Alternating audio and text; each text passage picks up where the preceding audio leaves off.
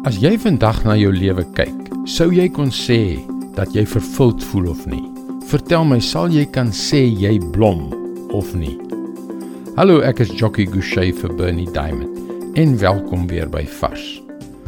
'n Plant floreer in goeie grond met net die regte hoeveelheid sonlig, die regte dreinering en so meer. Nie waar nie? Maar wanneer jy daardie selfde plant in 'n ander deel van die tuin verplant, miskien iewers met te veel skaduwee of waar dit nie heeltemal genoeg water kry nie of in slegte grond kan dit dalk oorleef maar dit sal nooit floreer nie. Die blare en die blomme en ook die vrugte sal nooit tot sy reg kom op die manier waarop dit bedoel was nie. Daardie prentjie van 'n plant wat floreer of nie is 'n goeie manier om na ons lewens te kyk vra jouself af Op watter plek is jy? Is jy besig om te groei? En leef jy werklik die lewe wat Jesus vir jou gegee het? Die lewe waarvoor Jesus gesterf en opgestaan het? Of nie? Ek vra weer, floreer jy of nie? Dit is 'n moeilike vraag, maar beantwoord dit eerlik vir jouself. Ons lees in Johannes 8 vers 31 en 32.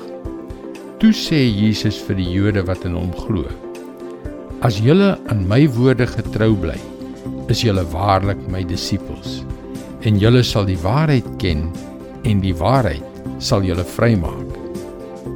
Een van die grootste redes wat ek sien waarom mense wat in Jesus glo nie regtig floreer nie, nie regtig die oorvloedige lewe leef wat hy vir hulle kom gee nie, is dat hulle nie na hom luister nie.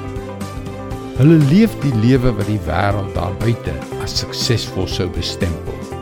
Maar dit werk nie. Maar wanneer jy die lesse wat Jesus leer, jou eie maak en wanneer jy dit as die waarheid aanvaar, begin jy dit uitleef. Jy gehoorsaam.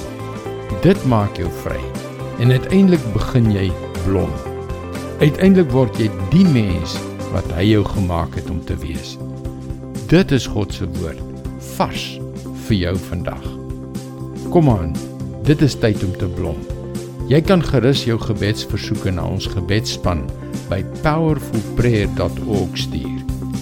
Jy kan egter nog op die gewone webwerf varsvandag.co.za vir jou daaglikse vars boodskappe inteken.